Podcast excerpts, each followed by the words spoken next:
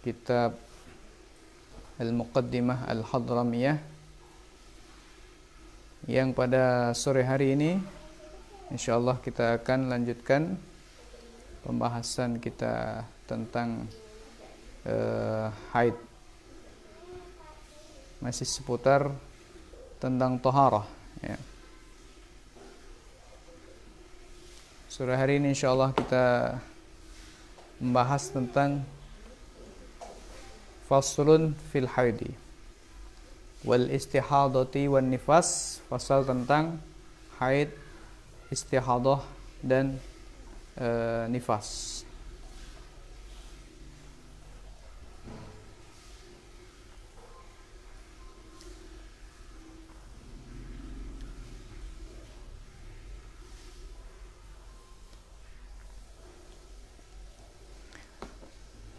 بسم الله الرحمن الرحيم.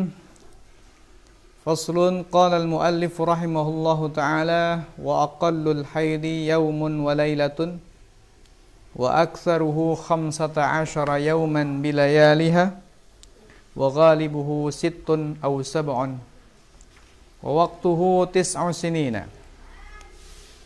وأقل طهر بين الحيضتين خمسة عشر يوما بلياليها ويحرم به ما يحرم بالجنابة ومرور المسجد إن خافت تلويثه والصوم والطلاق فيه والاستمتاع بما بين السرة والركبة ويجب عليها قضاء الصوم دون الصلاة.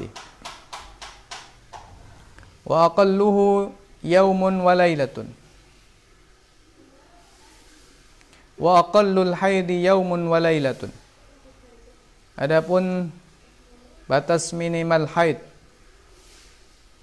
yaumun wa lailatun itu satu hari satu malam. Wa aktsaruhu khamsata asyara yauman dan adapun maksimal waktu haid adalah khamsata asyara yauman 15 hari bila ya liha bersamaan atau disertai atau bersama dengan malam-malamnya. Wa ghalibuhu sittun adapun waktu kebiasaannya yakni kebanyakan yang dilalui atau dialami oleh seorang wanita adalah sittun 6 hari atau sab'un atau 7 hari. Waktuhu tis'u sinina adapun waktu datangnya haid adalah tis'u sinina adalah usia 9 tahun. Wa aqallu tuhrin bainal haidataini. Adapun batas minimal suci, batas minimal waktu suci bainal haidataini antara dua haid khamsata asyara yauman 15 hari bilayaliha serta malam-malamnya. Wa yahrumu dan haram bihi sebab haid ma yahrumu bil janabati apa saja yang haram disebabkan janabah. Wa mururul masjidi dan haram pula disebabkan haid mururul masjidi lewat masjid melewati masjid yakni masuk ke dalam masjid lalu eh, jalan lewat di masjid in khafat talwithahu jika seorang wanita yang haid tersebut khawatir talwisahu mengotori masjid dengan percikan darahnya. Wasaumu dan puasa. Haram baginya puasa.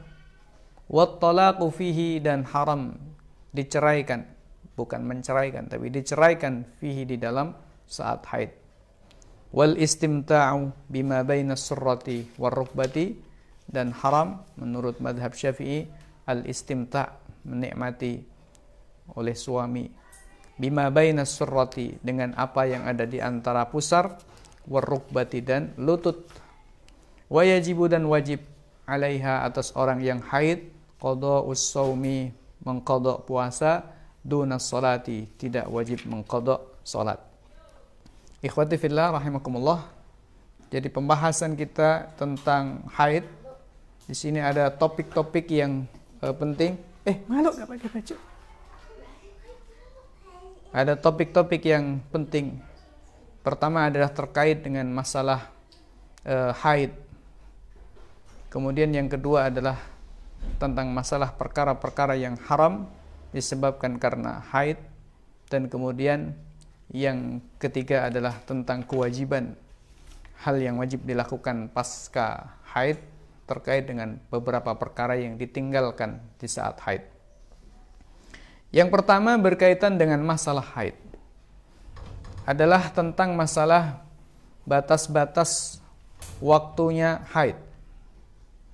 Di sini tadi dikatakan aqallul haidi yaumun walailatun.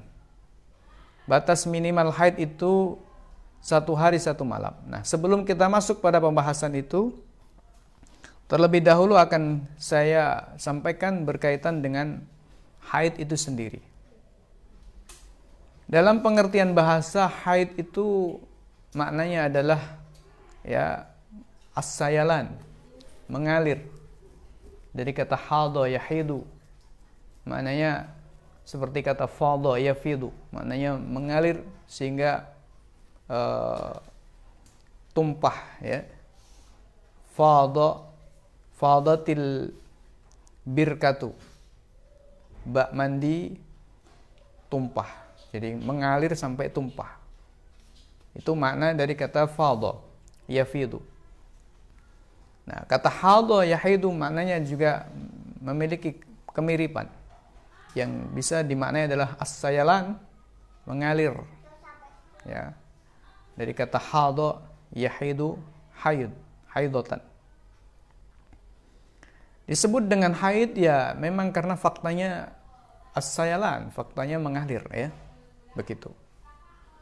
Nah, sedangkan dalam pengertian istilahnya biasanya para fukuha ya mengatakan haid itu adalah damu jibillah yakhruju fi waqtin makhsusin min aqsar rahimi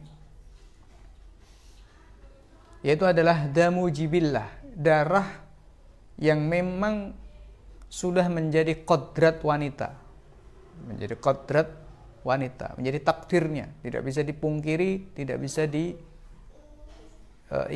tidak bisa dihilangkan atau tidak bisa dihindari. Jibillah. Ya, biasanya jibillah diartikan watak.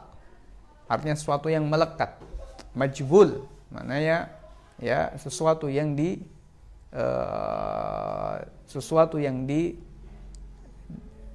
sesuatu yang ditetapkan ya itu majbul jibillah di mana perkara yang memang sudah menjadi ketetapan. Oleh karena itu maka Nabi Shallallahu Alaihi Wasallam ya ketika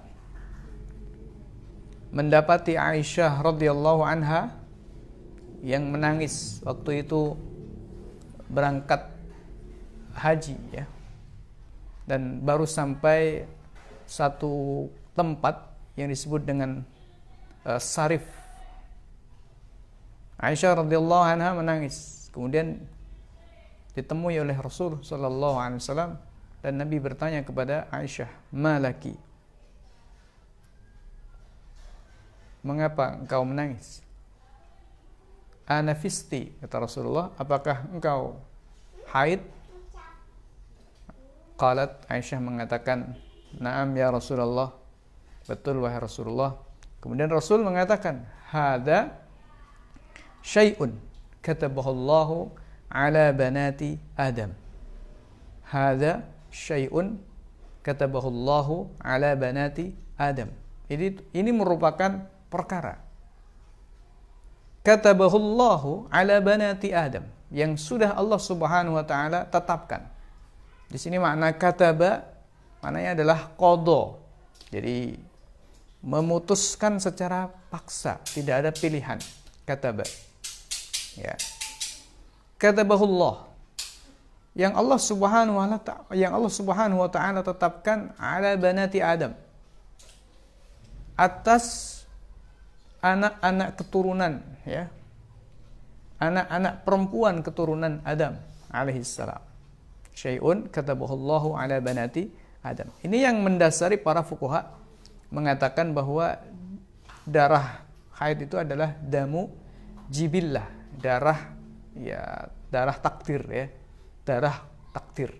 Kira-kira begitu mana ya darah yang itu memang menjadi kodratnya wanita. Yakhruju fi waktin mahsusin. Yang mana darah ini keluar fi waktin mahsusin dalam waktu-waktu khusus ya. Min aksar rahim sumbernya adalah dari pangkal rahim. Min aksar rahim sumbernya dari pangkal rahim. Nah ketika Al-Quran menjelaskan tentang haid Quran juga menyebutnya dengan sangat singkat. Akan tetapi sudah memberikan cukup gambaran tentang haid. Quran mengatakan wa yas'alunaka 'anil mahid Qul huwa adha fa'tazilun nisa'a fil mahid wa la taqrabuhunna hatta yathurna fa idza tatahharna fa'tuhunna min haitsu amarakumullah. Dari ayat yang singkat ini Allah memberikan penjelasan beberapa hal. Pertama terkait dengan masalah uh, yas'alunaka 'anil mahid. Ter pertama terkait dengan persoalan jawaban Allah Subhanahu wa taala berkaitan dengan haid itu karena ada yang bertanya. Nah, uniknya yang bertanya itu bukan perempuan, meskipun yang mengalami adalah kaum wanita. Tetapi yang bertanya kepada Nabi Shallallahu alaihi wasallam sehingga kemudian uh, turun ayat turun ayat yang ke 222 ya dalam Quran surat Al-Baqarah itu bukanlah kaum wanita tetapi justru kaum laki-laki. Ini menunjukkan bahwa kepentingan soalan haid ini bukan kepentingan wanita saja tapi juga kepentingan laki-laki. Karena hukum syaraknya kaitannya bukan hanya perempuan saja tetapi juga laki-laki. Berkaitan dengan persoalan tolak nanti ya. Persoalan dengan masalah tolak kemudian persoalan masalah iddah ya. Ini menyangkut banyak pihak begitu bukan hanya perempuan saja. Kalau mungkin sholatnya puasanya barangkali itu yang paling bertanggung jawab adalah perempuan. Tetapi ketika berbicara tentang tolak yang dilakukan pada saat haid ya bagaimana hukumnya. Nah ini tentu bukan hanya wanita bukan hanya uh, wanita yang melakukan itu yang kemudian bertanggung jawab tentang hal itu begitu pula terkait dengan masalah iddah ya di mana Quran mengatakan wal mutallaqatu yatarabbasna bi anfusihinna thalathata quru thalathata quru tiga kali suci menurut madhab Syafi'i atau tiga kali haid menurut madhab yang lain. Nah, ini berarti penting untuk menentukan kapan haid, kapan bukan haid. Lalu kalau kemudian terjadi istibah, terjadi ketidakjelasan bagaimana, maka sahabat bertanya. Yang bertanya bukan kaum perempuan, yang bertanya adalah kaum laki-laki. Quran mengatakan yes alunaka. Ini kan jelas yang bertanya adalah laki-laki. Andai kata yang bertanya cuma kaum perempuan saja, maka Quran akan mengatakan yas'alnaka bukan yas'alunaka. Nah, berhubung Quran mengatakan yas'alunaka berarti di sini subjeknya yakni orang-orang yang bertanya kepada Rasul sallallahu alaihi wasallam itu bukan hanya perempuan, mungkin saja sih ada perempuan, tapi aslinya adalah laki-laki karena menggunakan sirah uh, laki-laki ya, yas'alunaka. Ini yang pertama, yas'alunaka 'anil mahid. Mereka bertanya kepada Muhammad tentang haid. Al-mahid di sini maknanya haid. Nah. Jadi anil mahid tentang haid. Nah, sebenarnya para sahabat bertanya bukan tentang haid itu apa, ya. Tapi sebenarnya tentang bagaimana hubungan ya, seorang suami dengan istrinya yang saat itu sedang haid. Begitu sebenarnya pertanyaannya aslinya. Lalu kemudian turun ayat ini. Tetapi ternyata Quran ya sebelum memberikan penjelasan tentang bagaimana yang harus dilakukan dan apa yang boleh dilakukan oleh seorang uh, suami kepada istrinya yang sedang haid, Quran memberikan penjelasan tentang haid itu apa. Oh, ini kan Quran. Ejaznya Al-Quran itu di sini. Ya, dengan kata yang singkat dijawab semua. Yas'alunaka 'anil mahid. Quran mengatakan ya, Qul huwa adza. Qul huwa adza. Katakanlah wahai Muhammad, haid itu adalah adza. Ya, adza. Maknanya apa adza itu? Adza itu bisa bermakna gangguan. Ya, gangguan. Al-adza itu maknanya gangguan. Nabi Shallallahu Alaihi Wasallam dalam sebuah hadis mengatakan iman itu sab'un wa sab'una syu'batan ada 77 cabang. Al-iman sab'un wa sab'una syu'batan. Iman itu 77 cabang. Ada yang salah satun wa sab'una syu'batan. 73 cabang. Adnaha imatatul adha. Yang paling rendah kata Nabi sallallahu alaihi wasallam adalah imatatul adha. Menghilangkan atau menyingkirkan al-adha. Ya. Nah, di sini apa maknanya? Al-adha gangguan. Imatatul adha anit tariq. Menghilangkan gangguan dari jalan. Misalnya kulit semangka, kemudian apa? duri, paku, dan lain sebagainya itu adha. Al al adha. Nah, di sini Quran mengatakan qul huwa adha. Ya, adha. Kata ada juga bisa bermakna maknanya sesuatu yang menyakitkan. Ya. Ada yu'zi idza'an. Ada yu'zi idza'an. Itu kan artinya menyakiti. Ya.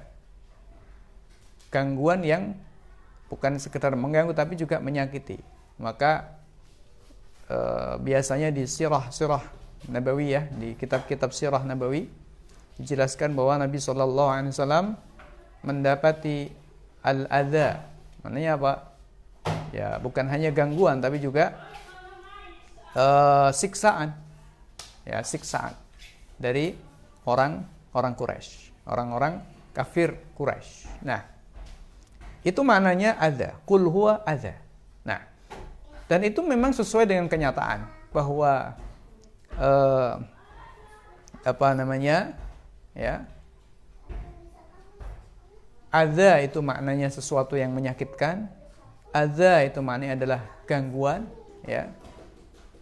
Ini memang satu kenyataan yang terjadi, ya. Kenyataan yang terjadi pada haid, di mana haid itu memang sebuah gangguan dan juga tentunya perkara yang menyakitkan, artinya sakit, ya, yang bisa dirasakan akibat haid itu terjadi. Kemudian yang ketiga ada pula makna adza itu kotoran. Ya, kotoran. Ketika uh, Rasulullah Shallallahu alaihi wasallam sholat di depan Ka'bah waktu masih fase Makkah. Orang-orang Quraisy seperti Utbah dan kawan-kawan itu kemudian meletakkan isi perut yakni kotoran ya, isi perut unta ke dalam pundak Nabi Shallallahu Alaihi Wasallam atau kepala Nabi Shallallahu Alaihi Wasallam saat beliau sujud. Nah, di situ dikatakan oleh kitab-kitab sirah bahwa wa Fatimah sedangkan Fatimah radhiyallahu anha ya yulqil adza ani Nabi sallallahu alaihi wasallam membuang kotoran-kotoran ya dari Nabi Muhammad sallallahu alaihi wa alihi wasallam. Ikhwati fillah rahimakumullah. Jadi itu makna ada. Yas'alunaka 'anil mahid qul huwa ada. Nah. Jadi yang pertama tentang kewajiban siapa berkaitan dengan haid itu kewajiban dan kepentingan semua pihak, baik laki-laki maupun perempuan. Quran mengatakan yas'alunaka. Kemudian yang kedua, apa itu haid? Quran mengatakan qul huwa ada. Nah, ketika didefinisikan oleh di sini oleh Syekh Said bin Muhammad Ba'ishan, damu jibillah, darah takdir darah kodrat wanita ya maka di dalam kitab yang lain ya biasanya Dikatakan oleh para ulama darah haid itu adalah ya dam aswad, darah yang berwarna hitam. Muhtadimun ladzaun. Ya, muhtadimun ladzaun, darah yang ber, berwarna hitam, artinya enggak hitam seperti tinta enggak ada ya. Jadi merah saking merahnya sehingga kehitam-hitaman. Muhtadim, mananya apa? E, panas ya, sakit, ladza, menyengat seperti disengat oleh kalajengking atau disengat oleh hewan-hewan berbisa ya muhtadimun ladzaun nah itu definisinya biasanya seperti itu dari mana muncul definisi muhtadimun ladzaun. Maka jawabannya adalah dari firman Allah Subhanahu wa taala ya apa? Qul huwa ada qul huwa ada sedangkan uh, definisi yang dikemukakan oleh Syekh Said bin Muhammad Ba'ishan damujibillah ini diambil dari hadis Nabi sallallahu alaihi wasallam hadza syai'un kadzabahu Allah ala banati Adam qatfillah rahimakumullah ini tentang apa definisi haid ya yakhruju fi waqtin mahsusin min aqsar rahim di dalam beberapa kitab dikatakan ya damun yakhruju min fal min farjil mar'ati ala sabilis sihah. Nah, begitu.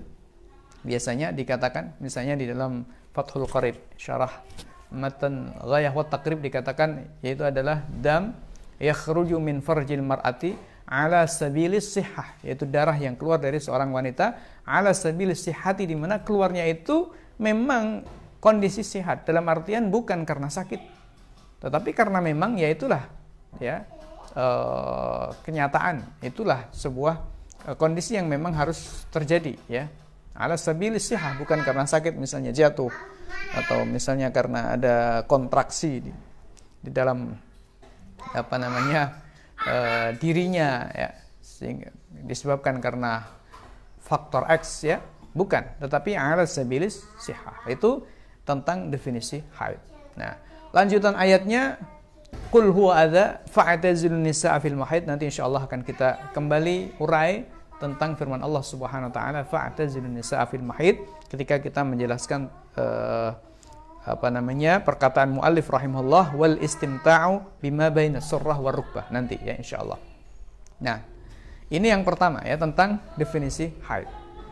Nah, kemudian selanjutnya setelah kita mengetahui apa itu yang dimaksud dengan haid, maka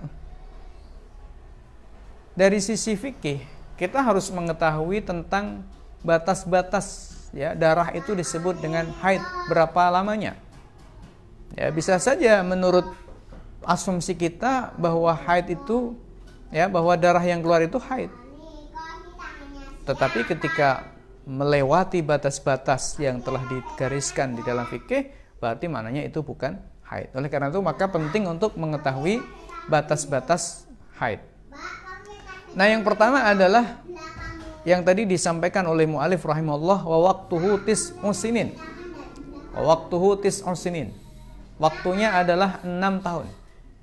Yang dimaksud adalah bahwa seorang wanita dinyatakan dia ya darah yang keluar dari dia dinyatakan sebagai darah haid bila mana waktunya dia apa usia dia telah mencapai 9 tahun. Ini saya mulai dari sini ya agar uh, lebih runut menurut saya. Waktuhu tis'usinin. Waktunya adalah eh, sembilan tahun. Sembilan tahun yang dimaksud di sini adalah sembilan tahun Komariah. Ya, 9 tahun uh, Komariah. Hijriah atau Komariah. Tentunya tidak harus sembilan tahun persis Komariah. Tetapi ya bisa kurang. Tetapi waktu yang apa ada ya tidak cukup untuk melakukan haid dan suci. Ya, yang mana nanti suci batas minimal suci itu 15 hari. Misalnya ya. Kemudian haid itu normalnya 6, 6 hari 7 hari. Jadi misalnya usianya 9 tahun kurang 15 hari misalnya, maka adalah haid. Kenapa? Karena waktu 15 hari itu waktu la yasa'u at-tuhra wal haido. Waktu yang tidak cukup untuk wanita menjalankan masa haid dan suci sekaligus, ya. Tidak bisa. Jadi seperti itu. Tetapi kalau kemudian waktunya misalnya kurang 20 hari kurang 20 hari. Ya jadi uh, eh, 9 tahun kurang 20 hari. Maka ini waktu yang bisa saja cukup untuk melakukan haid ya. Akalul haid kan yaumun walailah nanti ya. Akalul haid yaumun walailah satu hari satu malam misalnya. Ya 24 jam. Kemudian akalul tuhri 15 hari. Khamsata asyara yaum. 15 eh, hari. Nah, kalau seperti itu berarti waktu 20 hari itu ya sa'ul haid Ya, cukup untuk haid dan cukup untuk masa suci dengan batas-batas yang paling minimal tadi. Maka berarti bukan haid. Kalau bisa jadi apa bukan bukan haid. Ketika kurang dari 20 eh, dari 9 tahun dan kekurangannya itu cukup untuk kemudian apa? waktu menjalani waktu minimal haid dan minimal suci. Ikhwati rahimakumullah. Itu artinya wa waqtuhu tis'u sini. Nah, apa yang menjadi dalil pertanyaannya ya dalam hal ini?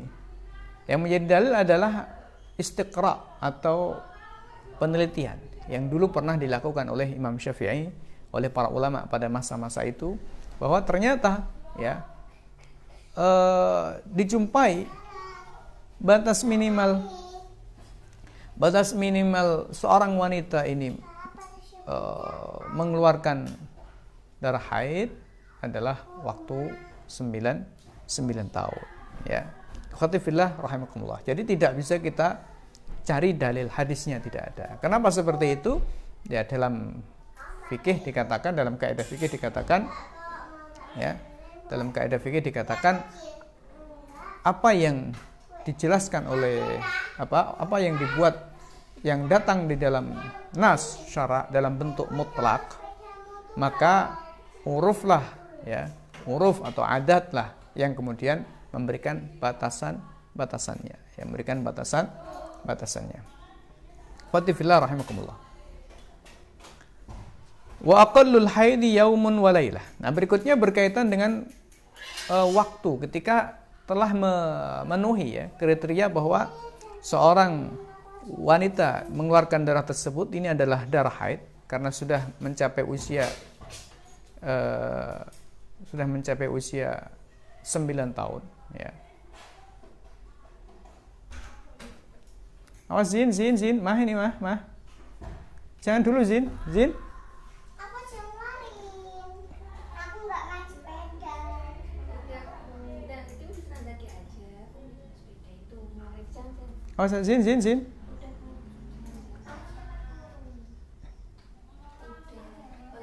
Rozin, hati-hati kamu loh.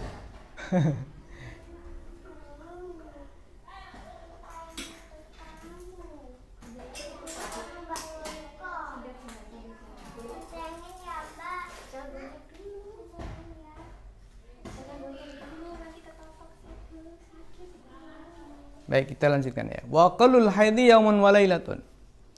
Jadi ketika uh, seorang wanita ya, seorang wanita pertama kali mengeluarkan darah dan ternyata dia usianya sudah di atas 9 tahun tadi, maka yang perlu diketahui oleh wanita tersebut adalah tentang batas minimal waktu haid kemudian batas maksimalnya dan kemudian rata-ratanya. Nah, di sini ya penjelasannya. Wa aqallul haidi yaumun wa lailatun. Batas minimal waktu ya yang akan dilalui oleh haid. Maksudnya begitu ya. Batas waktu minimal yang akan dilalui oleh haid. Baik sifatnya takottu ya. Takottu itu artinya putus-putus ataupun sifatnya ittisal ya Artinya sambung terus. Yang dimaksud dengan takotu putus-putus itu artinya eh, mohon maaf ketika ada misalnya kapas lalu kemudian ditempelkan pada tempat keluarnya haid itu masih terus basah. Itu berarti namanya ittisol. Ya. Ittisol sambung. Basah dan ada warna darah maksudnya begitu. Itu maknanya ittisol. Tapi ketika ditempelin ternyata kok ya sempat putih bersih berarti maknanya takut tuh nah batas minimal waktu seorang wanita menjalani haid. Ya, ini adalah yaumun walailatun ya. Selama satu hari satu malam. Apakah uh, takotu ataukah ittisal? Ya. Takotu putus-putus ataukah ittisal? Maknanya putus-putus tadi sudah kita sampaikan. Maknanya ittisal tadi sudah disampaikan apakah takotu apakah ittisal nah itu satu hari satu malam. Apa yang dimaksud dengan satu hari satu malam? Maknanya adalah qadru kadarnya ya lailatin qadru yaumin wa lailatin. Kadarnya satu malam ya. Kadarnya satu hari satu malam. Kadarnya satu malam satu eh, satu hari satu malam itu berapa ya? Kalau menurut hitungan jam kita berarti ya arba'ah wa isyruna sa'ah. Itu adalah 24 jam jadi maksudnya bagaimana misalnya ada seorang wanita yang baru pertama kali haid, namanya mubtadi'ah. Ya, wanita yang baru pertama kali haid itu namanya mubtadi'ah. Nah, dia harus tahu ini berapa lama dia akan mengalami haid. Dia harus memantau dirinya. Nah, misalnya kemudian dijumpai di hari pertama, ya dia mengeluarkan haid itu misalnya zuhur, ya, zuhur Berarti saat itu pula dia balighah, balighah ya, zuhur. Nah, keluar darah haid. Kemudian asar itu bersih. Berarti zuhur ya. Zuhur misalnya jam 12 anggap saja begitu. 12 1 2 3 ya, sampai jam 3. Berarti 3 jam. 12 1 2 3, 3 jam. Nah, setelah asar dicek itu betul-betul bersih, putih, tidak ada bekas-bekas darah sekalipun. Misalnya seperti itu, ya. Terus kemudian itu berjalan, berlanjut, ya, sampai keesokan harinya, subuh. Berarti sudah tiga jam. Mulai subuh sampai sore itu darah keluar terus. Darah keluar terus itu artinya tidak harus ya nggak harus mengalir ke mana-mana. Tetapi maknanya setiap kali dicek dengan tadi kapas itu kemudian ada bercak darah kadang deres ganti pembalut misalnya tapi kadang tidak deres sehingga kemudian hanya basah ada bercak warna darah nah berarti total kalau tadi mulai subuh katakanlah misalnya jam 4 ya 5, 6, 7, 8, 9, 10, 11, 12, 13, 14 ya. 15, 16 17 ya. 18 sampai jam 6 saya seperti itu. Sudah berarti 14 jam. Nah 14 jam ditambah misalnya tadi ya 3 jam. Berarti sudah eh, apa namanya ya 14 ditambah eh, 3 ya. Jadi sudah 18 jam. Uh, mohon maaf berarti sudah berapa? 17 jam ya. 18 uh, 17 jam. Nah kemudian malamnya berhenti lagi. Dicek dengan apa kapas ini tidak ada darahnya sama sekali. Pagi keluar lagi ya. Pagi keluar lagi. Nah tadi sudah 17 jam nah keluar dari mulai misalnya mulai subuh jam 4, 5, 6, 7 8, 9, ya 10, 11 sampai 12 misalnya itu selalu basah terus. Nah, ini berarti sudah memenuhi ketentuan aqallul haidi ya. Yang mana aqallul haidi yakni kadar 24 jam ditempuh selama tiga hari. Hari pertama, hari kedua, subuh lagi hari ketiga, ya kan? Selama tiga, tiga hari. Nah ini berarti darah yang keluar adalah darah haid. Ya, darah yang keluar adalah darah darah haid. Ikhwati fillah rahimakumullah. Nah, ini contoh ya, contoh. Jadi berarti ketika darah yang keluar itu di total tidak sampai 24 jam, maka berarti bukan darah haid. Ya, meskipun ya meskipun kemudian itu berjalan selama beberapa hari misalnya hari pertama keluar cuma satu jam dicek setelah itu betul-betul bersih, tidak ada bercak darah sekali, sedikit pun. Berarti betul-betul bersih. Hari berikutnya cuma keluar misalnya 5 jam, berarti baru 6 jam. Terus ya, sampai 15 hari berikutnya, berjalan 15 hari, total darah yang keluar itu tidak mencapai 24 jam. Kalau dikalikan apa kalau dikumpulkan ya dijumlahkan dikalkulasikan ini tidak sampai 24 jam. Maka selama 15 hari dia di hari-harinya mengeluarkan apa namanya darah itu misalnya sehari ya satu satu jam ada yang dua jam ada yang satu jam ada yang dua jam. Begitu sampai harinya 15 hari jadi sehingga kurang dari 24 jam misalnya cuma 20 jam atau kurang dari situ atau lebih sedikit yang jelas tidak sampai 25 jam maka selama 15 hari itu dia bukanlah haid. Nah ini ketentuan yang ada di dalam madhab syafi'i. Ikhwati fillah rahimakumullah. Kenapa seperti itu? Karena ketentuannya adalah wa aqallu al haidi yaumun walailatun maksudnya adalah wa aqallu zamanil haidi batas minimal waktu haid apakah takottu ataukah ittisal adalah 24 jam dan 24 jam itu artinya adalah kadar atau e, ukuran waktu satu hari satu malam. Andai kata langsung nyambung terus tanpa ada putusnya. Jadi seperti itu. Ikhwati fillah rahimakumullah. Apa dalilnya seperti ini? Ya, di sini di dalam penjelasan Syekh Sa'id bin Muhammad Ba'isyan dikatakan wadzalika bistiqra'is Syafi'i fihi wa fima wa fima ba'dahu. Dalam hal ini adalah hasil istiqra, hasil pengkajian penelitian oleh Imam Asy-Syafi'i rahimahullah ya. Kenapa? Idla dhabita li syai'in min dzalika lughatan wala syar'an. Sebab dalam hal ini baik dari sisi bahasa maupun dari sisi syarak tidak ada yang menjadi dhabit atau tidak ada yang uh, memberikan batasan ya. Oleh karena itu maka faruji'a fihi ilal muta'araf bil istiqra.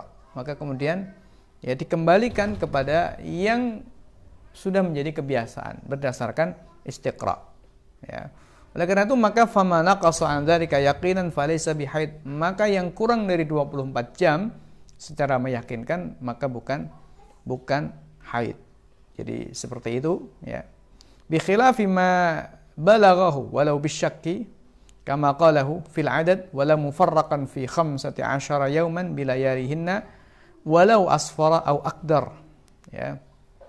Idh kullun minhuma adhan fasyamilathu al-ayah wa illam yataqaddamuhu qawiyyun wa khalafa al-adah. Kata Syekh Said Muhammad Ba'isyan berbeda kalau memang mencapai ya berapa? 24 jam ya, secara hitungan wala mufarraqan fi khamsata asyara yauman meskipun dipisah-pisah yakni di apa tadi ya dibagi-bagi fi khamsata asyara yauman dalam 15 hari bilayalihinna malam-malamnya juga ya walau asfara au aktar meskipun warnanya kekuningan kekuning-kuningan au akdar atau mungkin ya ke keruh-keruhan tidak sampai seperti darah. Sebab apa? Kata Syekh Said Muhammad Ba'isyan, id kullun min huma adzan. Karena semuanya id kullun min ya id kullun min huma ya karena semuanya baik yang kuning maupun yang eh, coklat-coklat uh, itu adalah adzan merupakan adza fasyamilatul ayah maka semuanya tercakup oleh ayat yaitu ayat yas'alunaka 'anil mahid qul huwa adza wa illam yataqaddamuhu qawiyyun sekalipun belum pernah ada darah yang kuat Darah yang kuat itu apa? Warna yang kehitam-hitaman itu yang paling kuat kental. Belum pernah. Wa khalafal ada dan meskipun berseberangan atau tidak tidak sesuai dengan kebiasaan. Iya, nggak usah lari. Itu nanti takut sakit loh. Sakit nggak? Nggak. Rahmatullah. Jangan lari dulu belum terlalu sembuh ya, belum terlalu kering itu agak kering ya jangan lari dulu ya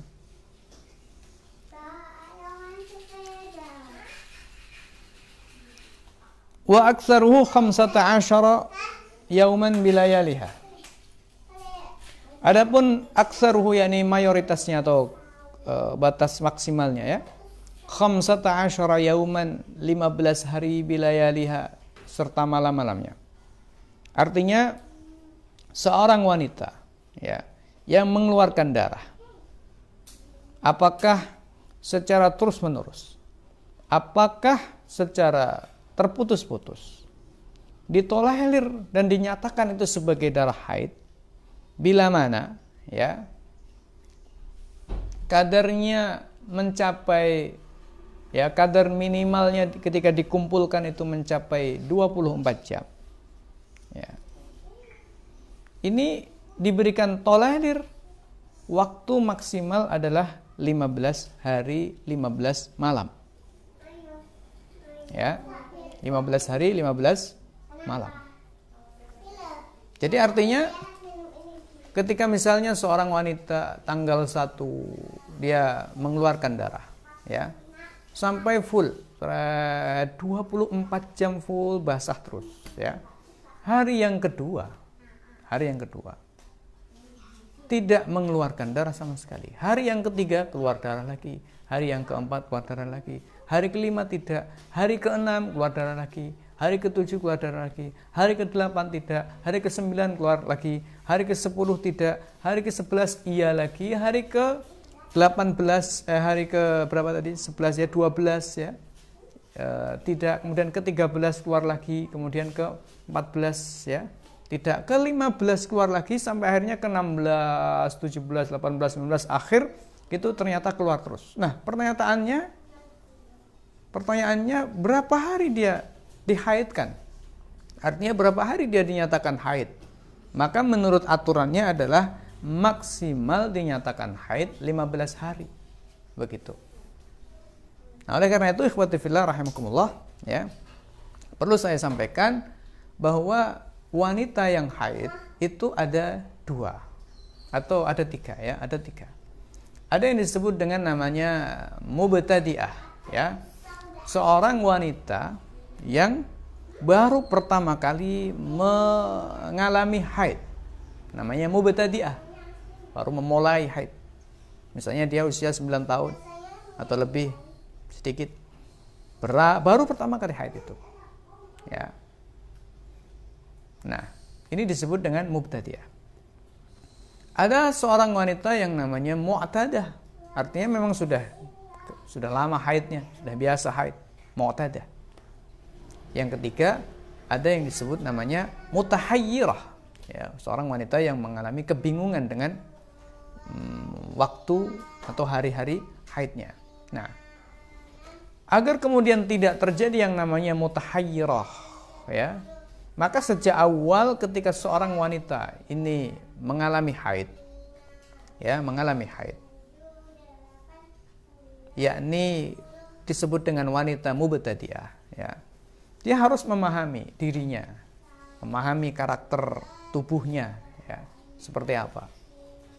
Sehingga kemudian ketika di kemudian hari, ya, ada masalah dengan haidnya, dia bisa mengembalikan kepada kebiasaan-kebiasaan yang telah berlaku pada dirinya. Misalnya bagaimana? Saya uh, lanjutkan penjelasannya ya. Seorang wanita yang mau mubtadi'ah baru pertama kali haid.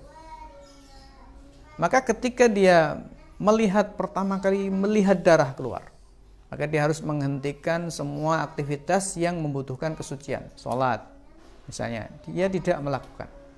Kemudian membaca Quran, ya, menyentuh Quran, dia tinggalkan semua menurut, menurut madhab Syafi'i. Sampai kapan? Terus menunggu, terus dilihat, dipantau, ya.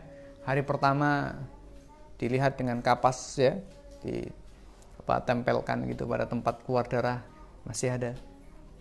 Kemudian ditempelkan lagi pada hari kedua masih ada, ya. Sempat ya pada hari ketiga bersih bentar ya.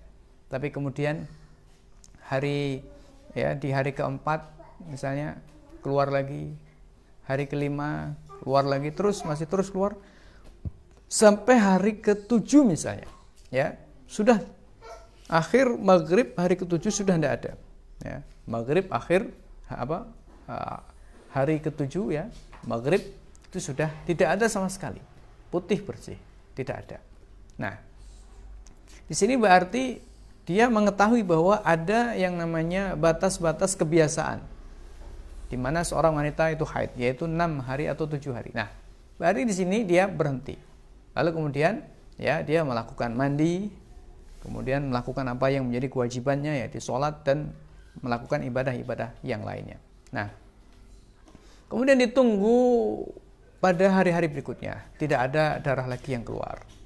Sampai bulan depan, bulan berikutnya ada darah lagi yang keluar. Sudah berganti hari ya ini sudah lewat eh, minimal 15 hari, minimal 15 hari. Sudah lewat minimal 15 hari. Katakanlah sudah ya, katakanlah sudah tadi kan sudah eh, 7 hari berarti masih ada sisa 23 eh, hari ya. Sudah lewat 20 hari ya, atau 22 hari atau 23 hari lewat ganti bulan. Nah, kemudian keluar darah lagi.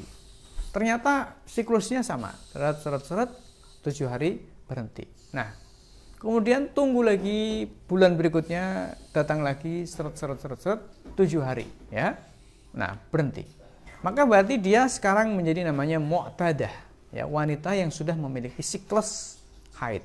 Ya, siklus haid. Berarti apa? Siklus haidnya adalah ya, siklus haidnya adalah tujuh hari. Ya, siklus haidnya adalah tujuh hari. Nah, ketika kemudian nanti di bulan kelima misalnya atau di bulan keenam atau di bulan keberapa, tiba-tiba kemudian dia mengeluarkan darah haid, darah haid, surat gak berhenti-hentinya sampai lebih dari tujuh hari. Ya, tidak henti-hentinya sampai tujuh hari.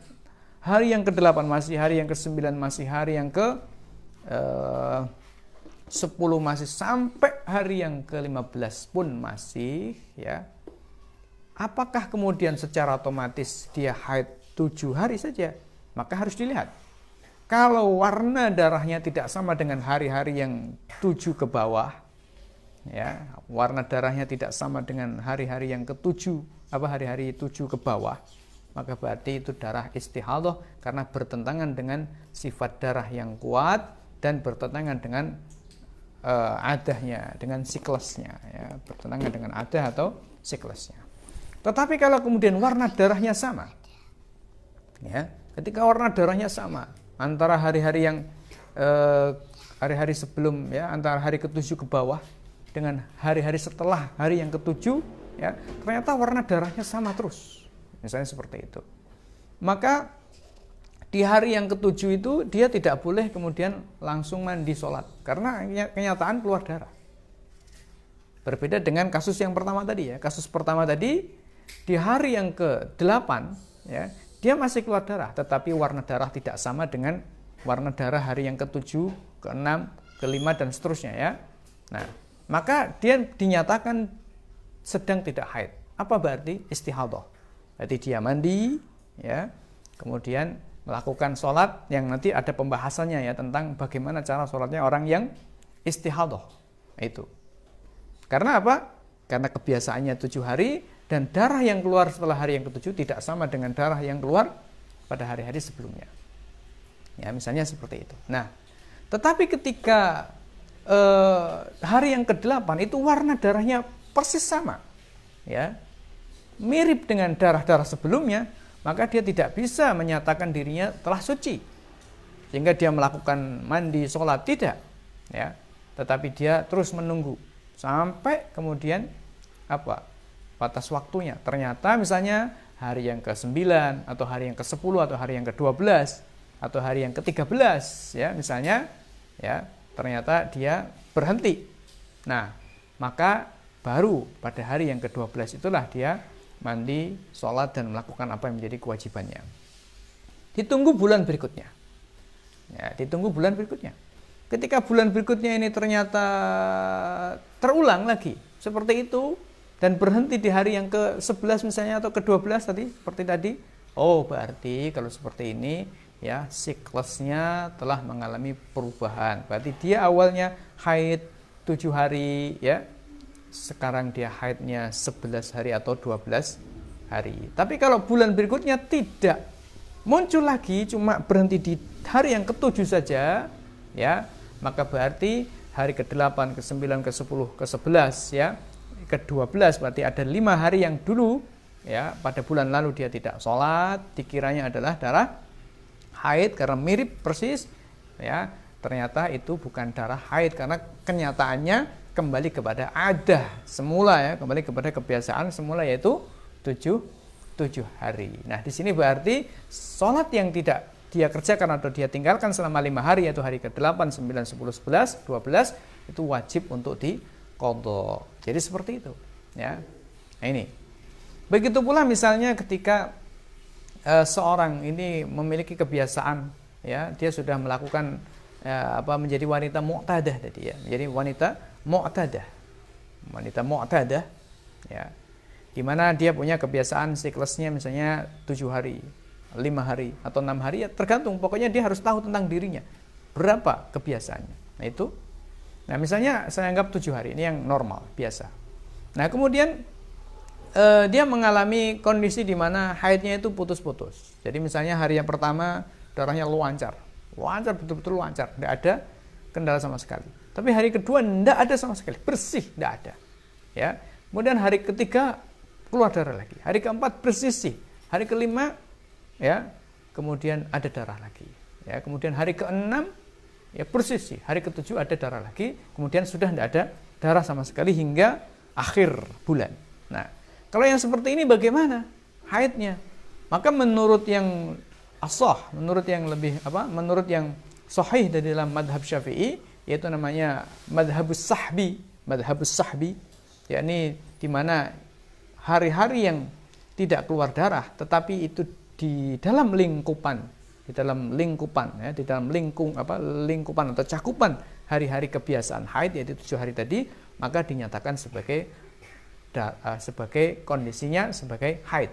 Ya, hari-hari yang bersih tetap dinyatakan sebagai haid. Ya, ini sedang haid. Jadi berarti hari kedua tidak sholat, hari keempat tetap nggak sholat, hari keenam juga tidak tidak sholat meskipun kenyataannya bersih. Itu namanya qaulus sahbi atau madhabus sahbi. Tapi di sana, yakni di dalam madhab syafi'i sendiri ada pendapat namanya qaulul laqti atau madhabul laqti, yakni di mana uh, waktu-waktu yang betul-betul bersih tidak keluar darah itu seorang wanita boleh melakukan sholat. Tapi yang lebih sahih ya ya apa yang sahih dalam madhab syafi'i bukan lebih sahih ya yang lebih yang sahih dalam madhab syafi'i adalah qaulus sahbi ya qaulus qaulus sahbi hal ini berdasarkan ya eh, apa namanya beberapa hadis. Misalnya eh, Aisyah radhiyallahu anha mengatakan kunna la na'uddu sufrata wal qudrata ya. Kunna la na'uddu as-sufrata wal kudrata tuhran. Kami dulu tidak menganggap warna kekuning-kuningan atau al kudrah ya warna kekeruh-keruhan sebagai suci. Maknanya dalam waktu rentang haid. Misalnya tujuh hari kok ada e, warna kuning atau kemudian warna e, kecoklat-coklatan artinya tidak warna darah atau bahkan bersih sama sekali ya bisa dikatakan mungkin seperti itu kalau saya tambahkan ini bukan tuhur ya kan karena apa ini masa-masa yang disebut dengan masa-masa uh, haid. Nah, ini disebut dengan qaulus sahbi, ya, qaulus qaulus sahbi. Watifillah rahimakumullah. Nah, kalau kemudian ternyata 15 dari 12, ya, 15 dari 12. Kemudian pada bulan berikutnya 15 juga 12 sehingga tidak bisa dibedakan mana warna darah haid dan mana yang bukan darah haidnya karena warna darah semuanya sama ya itu berlangsung lebih dari 15 hari pokoknya nah maka seperti ini berarti terjadi istihadah. Kalau seperti itu ya dikembalikan.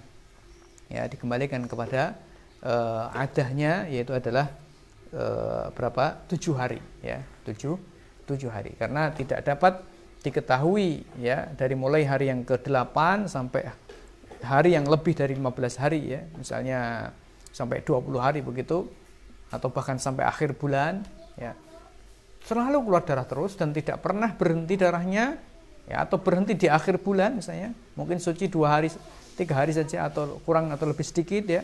Tetapi warna-warna darahnya itu sama semuanya sehingga tidak dapat dibedakan. Nah, seperti ini berarti terjadi istihadah nah maka dikembalikan kepada kebiasaannya yaitu adalah tujuh, tujuh hari ya ketika tidak dapat membedakan mana warna darah mana haidnya itu. Tetapi ketika bisa membedakan ya ternyata pada hari ya misalnya hari 10 itu warna darahnya e, berbeda dengan warna ke-11 dan akhir hingga akhir bulan. Setiap bulan seperti itu. Nah, berarti sifat darah ya ini perlu diketahui ya. Sifat darah ini perlu untuk diketahui. Nah, ikhwati fillah rahimakumullah.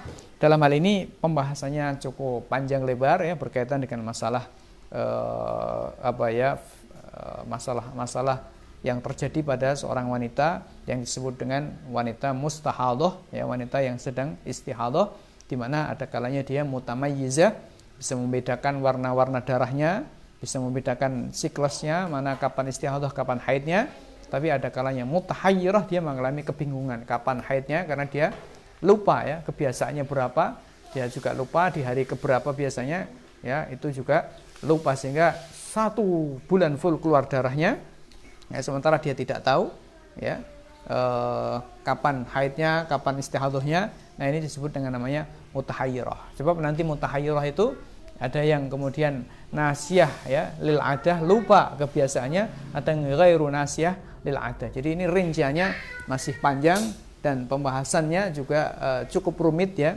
Nah oleh karena itu maka uh, saya batasi sampai pembahasan yang global-global saja ya pembahasan rincinya perlu mendapatkan kajian tersendiri. Nah, ketika itu diperlukan, tetapi kebanyakan wanita insya Allah tidak memerlukan kajian yang rumit. Ya rata-rata ya e, punya kebiasaan yang normal ya, misalnya lima hari, tujuh hari ya, atau paling banter ya lima belas hari itu dalam kondisi masih batas-batas normal ya. Tetapi kalau ada kasus-kasus seperti itu maka berarti perlu dikaji. Nah, oleh karena itu maka ya seorang laki-laki suami juga wajib untuk mempersiapkan dirinya. Bagaimana kalau kemudian e, punya istri ya seperti itu ya?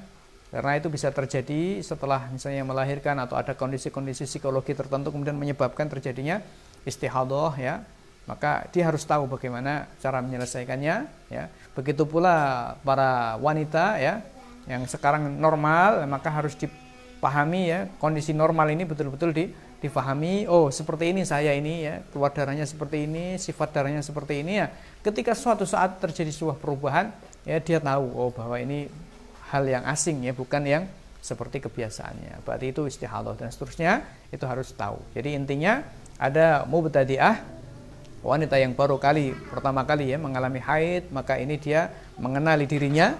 Yang kedua adalah mu'tadah ya. Seorang wanita yang uh, sudah memiliki siklus, dia harus ya terus menjaga memahami siklusnya itu. Dan yang ketiga adalah wanita yang mutahayyirah ketika kemudian terjadi istihadah dia mengalami kebingungan. Bagaimana itu? Nah, nah uh, mutahayyirah ada kalanya nasiyah lil adah, lupa adahnya, ada kalanya ghairu nasiyah lil adah, tidak lupa adahnya, ada kalanya uh, macam-macam ya.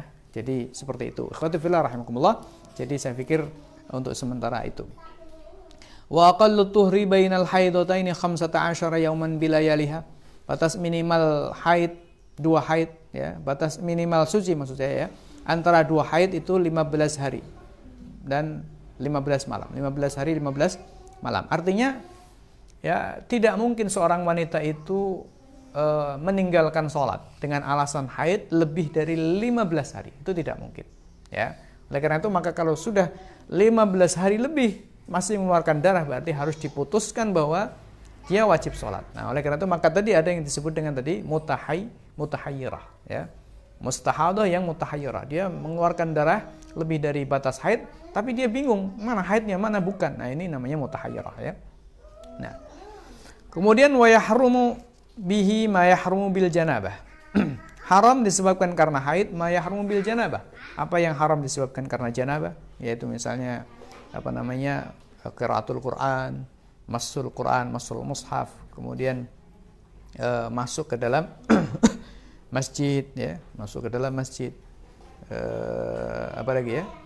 Ya apa saja yang diharamkan sebab hadas kecil ya, juga haram sebab hadas besar ya ditambahkan adalah membaca Al-Qur'an kemudian masuk ke dalam masjid ya. Seperti itu. Nah ditambahkan wa murur, wa mururul masjid ya, lewat masjid. Nah, lewat masjid.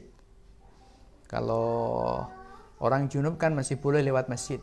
Quran mengatakan wa in kuntum uh, apa uh, Quran mengatakan ya la taqrabus salata wa antum sukara wala junuban la taqrabus salata wa antum sukara hatta ta'lamu ma taqulun wala junuban illa abiri sabilin hatta taqtasilu. Kalau junub ya masih boleh illa abiri sabilin masih boleh sekitar lewat. Tapi bagi orang yang haid tidak boleh lewat ke masjid sekalipun dengan catatan in khafat talwithahu ketika dia khawatir mengotori masjid. Kalau diam di masjid sepakat haram tidak tidak boleh sebagaimana uh, orang janabah tidak boleh berdiam diri di masjid. Wasaumu dan puasa ya haram puasa ini beda dengan orang junub. Kalau orang junub boleh puasa. Ya, tetapi orang yang sedang haid tidak boleh puasa.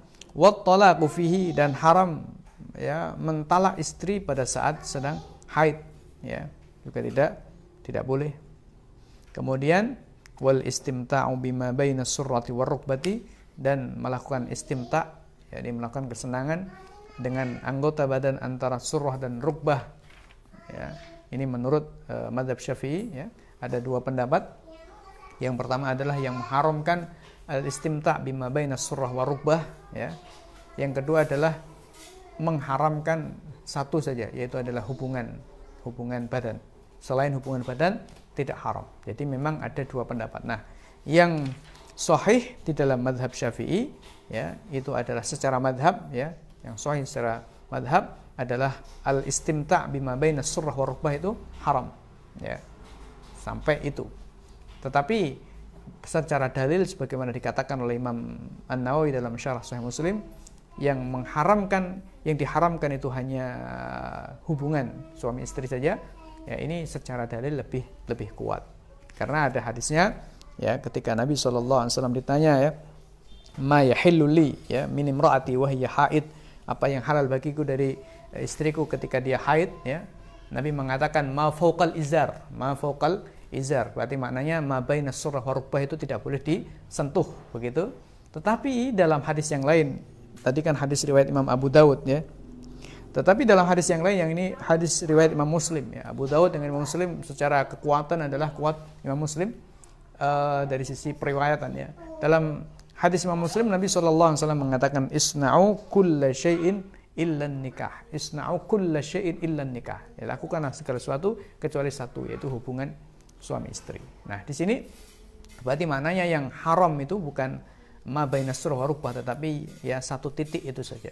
Sepanjang bukan satu titik itu maka hukumnya e, tidak haram. Ini yang dikatakan eh, oleh Imam Nawawi ya aqwa dalilan. Secara dalil lebih lebih kuat. Tetapi dari sisi madhab maka madhab Syafi'i menyatakan bahwa e, ma baina surah wa itu yang lebih kuat. Yang haram adalah ma baina surah wa itu adalah yang lebih kuat dari sisi madhab Syafi'i ya.